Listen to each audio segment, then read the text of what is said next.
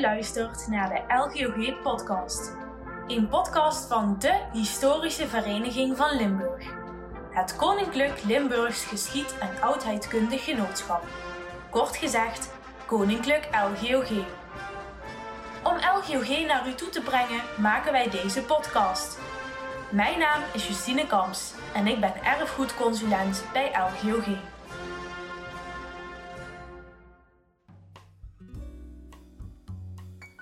De maand van de geschiedenis staat in oktober 2020 in het teken van het thema Oost-West.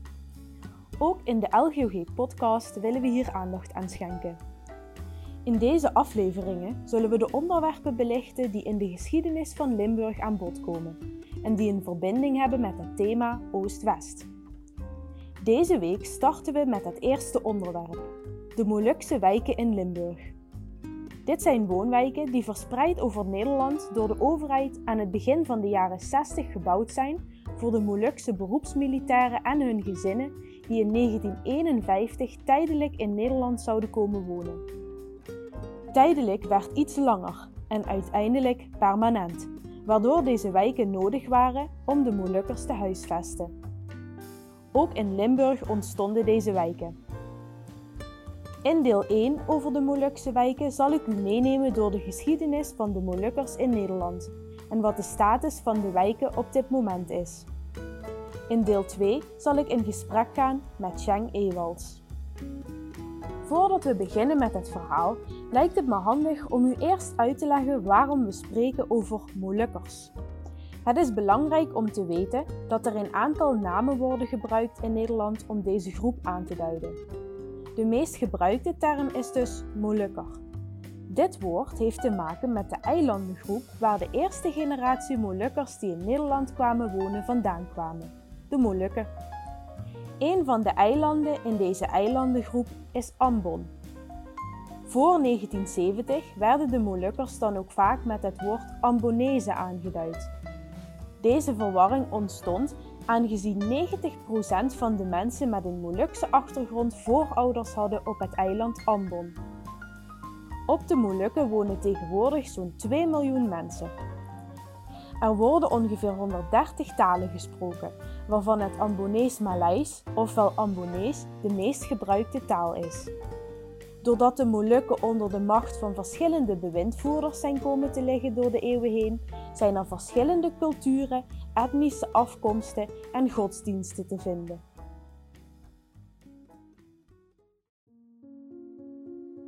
Ons verhaal over de Molukkers in Nederland begint technisch gezien rond 1599, toen de Nederlanders in Oost-Indië terechtkwamen. Ambon en de omliggende eilanden waren daar een van de eerste gebieden die door Nederland gekoloniseerd werden. Het Indische leger speelde een grote rol in de acceptatie van het Nederlandse gezag in de regio. Al in de 17e eeuw werden Molukkers voor het leger gerekruteerd, omdat zij bekend stonden als trouwe en moedige krijgers. Toen het Nederlandse gouvernement aan het einde van de 19e eeuw het machtsgebied in de Indische archipel wilde uitbreiden, was de behoefte aan soldaten groot en werden er steeds meer inheemse soldaten gerekruteerd. Uiteindelijk ging het Indische leger het Koninklijk Nederlands-Indisch Leger, oftewel het KNIL, heten. Het grote aantal inheemse soldaten dat aan het KNIL verbonden was, zorgde ervoor dat de relatie tussen de Nederlanders en de Molukkers steeds hechter werd. Molukkers werden in het gehele Nederlands-Indische gebied ingezet ter handhaving van de orde en het gezag. Een groot gedeelte identificeerde zich met het Nederlands-Indische gouvernement en met het Huis van Oranje. De erkenning van de Indonesische onafhankelijkheid in 1949 door Nederland betekende het einde van het KNIL. Op 26 juli 1950 werd het leger opgeheven. De 62.000 inheemse soldaten van het KNIL kregen de keuze ofwel gedemobiliseerd te worden, ofwel deel uit te gaan maken van het nationale Indonesische leger. Intussen bleef de situatie in Indonesië veranderen. Bij de soevereiniteitsoverdracht was namelijk besproken dat Indonesië een federale structuur zou krijgen, maar het land veranderde al snel in een eenheidsstaat. Als reactie hierop werd op 25 april 1950 op de Molukse eilanden de Republiek Maluku Selatan uitgeroepen, de Republiek der Zuid-Molukken, afgekort de RMS. Op dat moment waren er nog 8000 voormalige inheemse knilsoldaten die nog steeds geen beslissing genomen hadden. Zij werden tijdelijk gedemobiliseerd en in het normale Nederlandse leger opgenomen.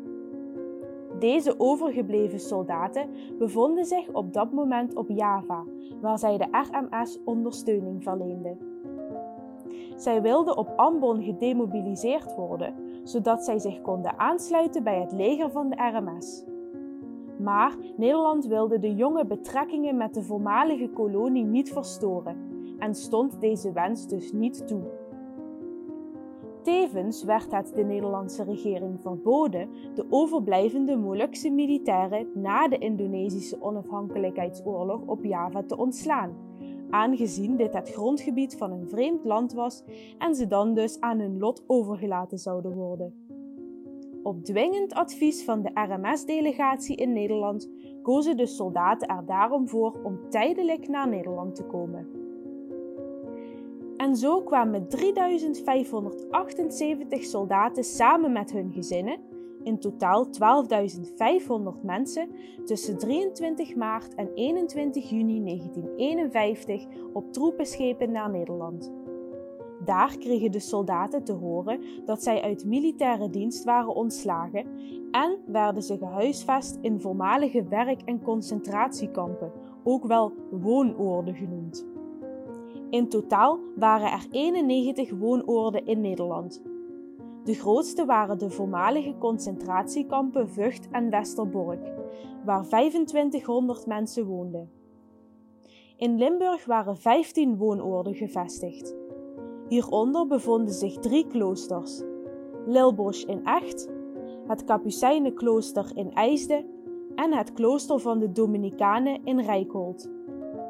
Ook werden er twaalf voormalige werkkampen in gebruik genomen in Plasmolen, Gennep, Wel, Tienrij, Venray, Blerik, Heidhuizen, Weert, Roermond, Montfort, Echt en Geleen. Ongeveer 1700 Molukkers werden in deze woonoorden ondergebracht. De meeste kampen bestonden uit oude barakken en waren vaak te klein voor een Moluks gezin, dat meestal uit zeven personen of meer bestond. Ook hadden de huizen geen douches en keukens en moesten de inwoners gedeelde douches en een centrale keuken gebruiken. Het was dus oorspronkelijk de bedoeling dat de Molukkers in Nederland zouden blijven tot ze konden worden gerepatrieerd. In de eerste instantie werd zelfs gedacht dat hun verblijf maar zes maanden zou duren. Daarom werden de Molukkers doelbewust buiten de Nederlandse samenleving gehouden. Ze kregen geen kans zich te mengen in het dagelijkse leven in Nederland en werden als Indonesiërs beschouwd.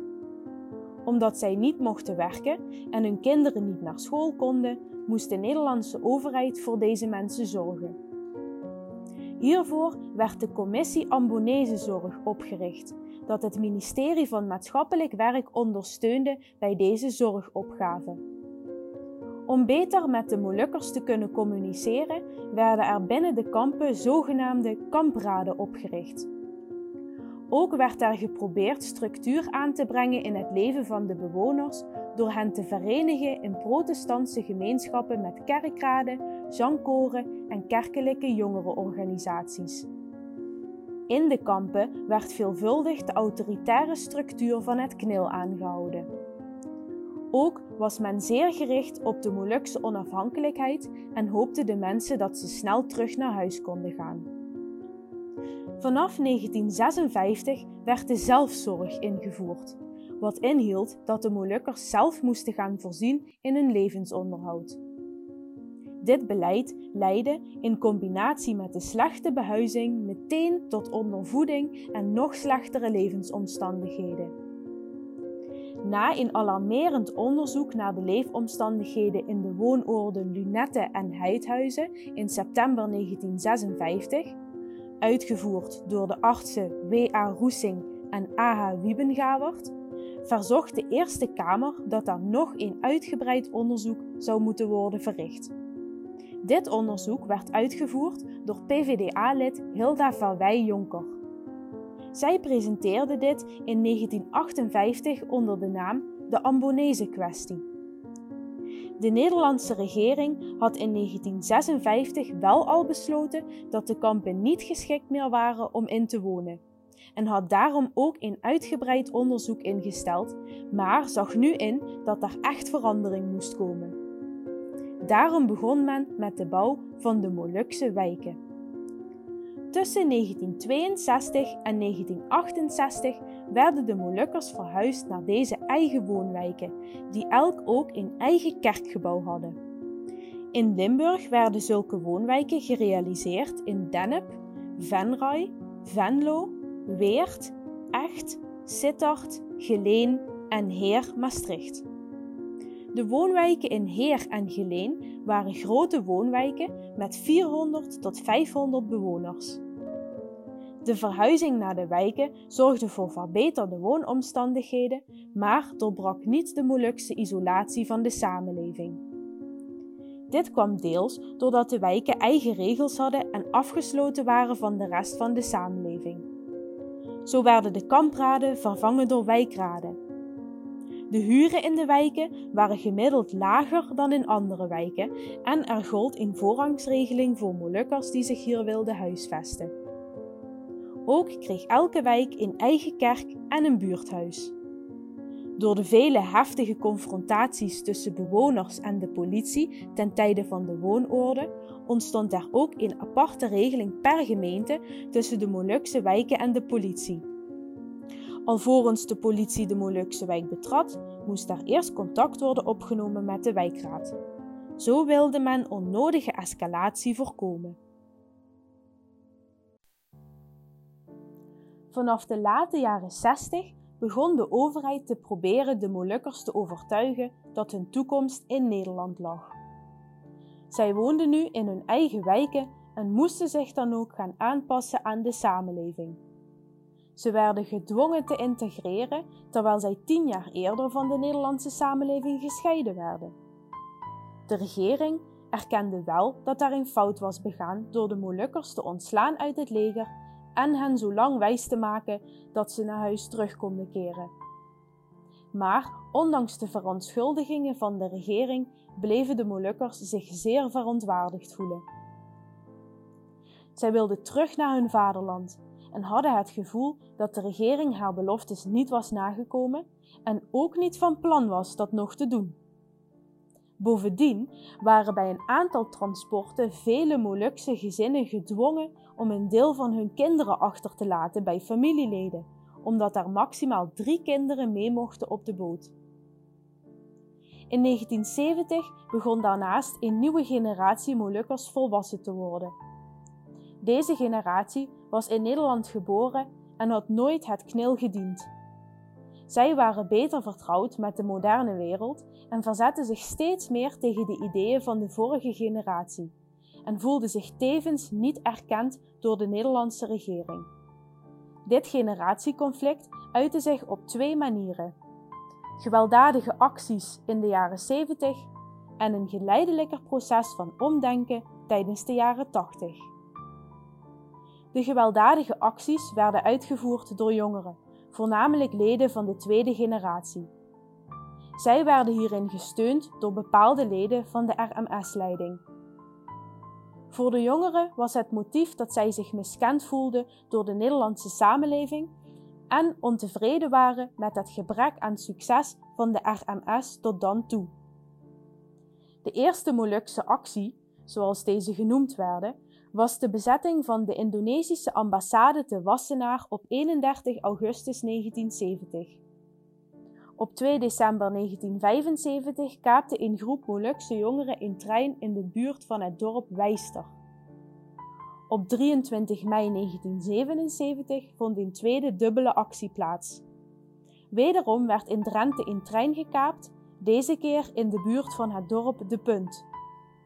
Tegelijk werden in een dorpsschool in Bovensmilde zo'n 100 kleine kinderen en hun leerkrachten gegijzeld. Deze acties hadden een sterke invloed op de Molukse gemeenschap. Dat voor hun zaak gijzelingen werden uitgevoerd, vulde veel Molukkers met schaamte. Men begon zich af te vragen wat het nut van het geweld was en voor welke doelen precies gestreden werd. Na 1977 stopte de ondersteuning van de acties door leden van de RMS-leiding. Desondanks gijzelde op 13 maart 1978 drie Molukkers het provinciehuis van Drenthe in Assen.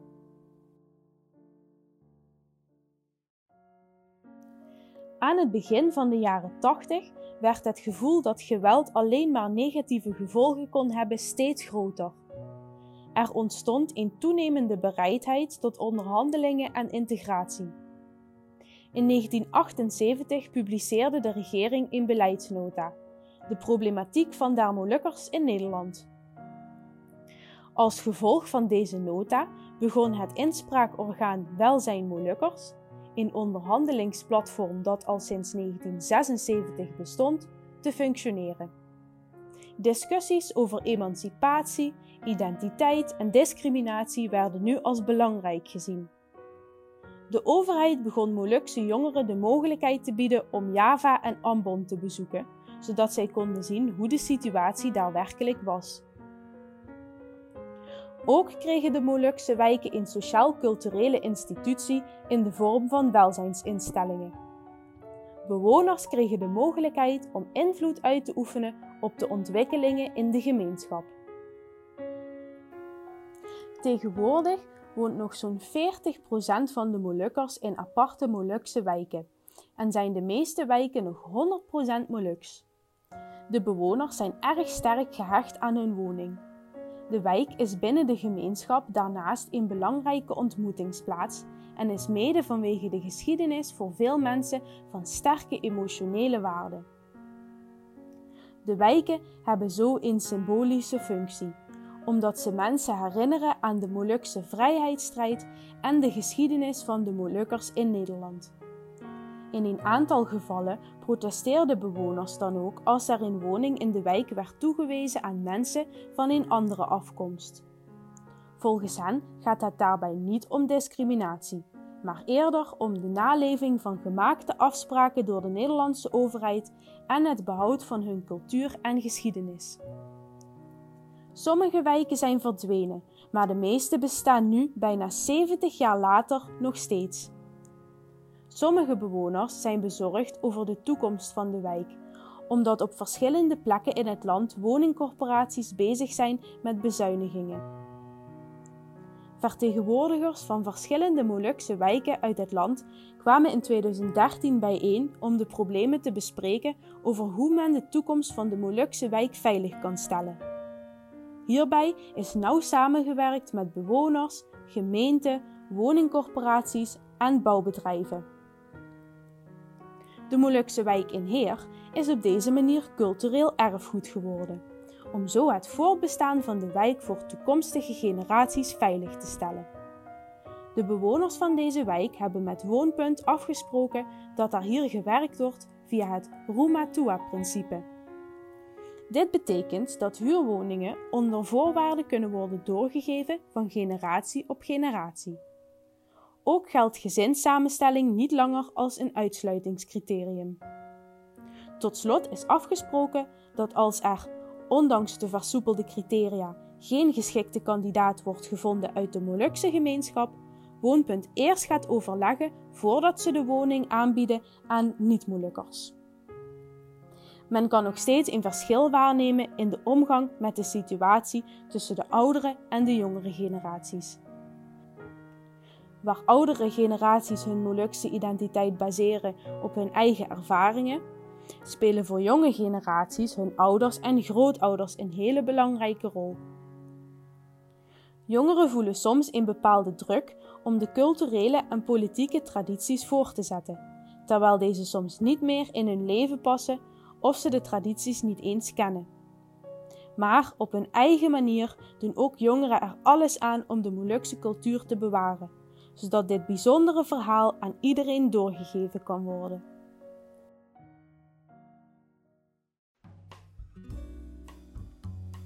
Bedankt voor het luisteren naar aflevering 14 van de LGOG-podcast. Volgende week deel 2 van de serie Oost-West in Limburg, die gaat over koude oorlogsschuilkelders in Zuid-Limburg.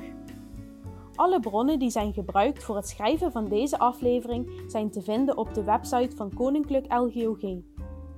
Tekst en productie waren in handen van Justine Kamps. Heeft u met belangstelling naar deze podcast geluisterd? Vergeet dan niet om een review achter te laten, een opmerking te plaatsen of deze aflevering te delen met anderen. Volg ons op Spotify of hou onze Facebookpagina in de gaten voor meer afleveringen van de LGOG podcast.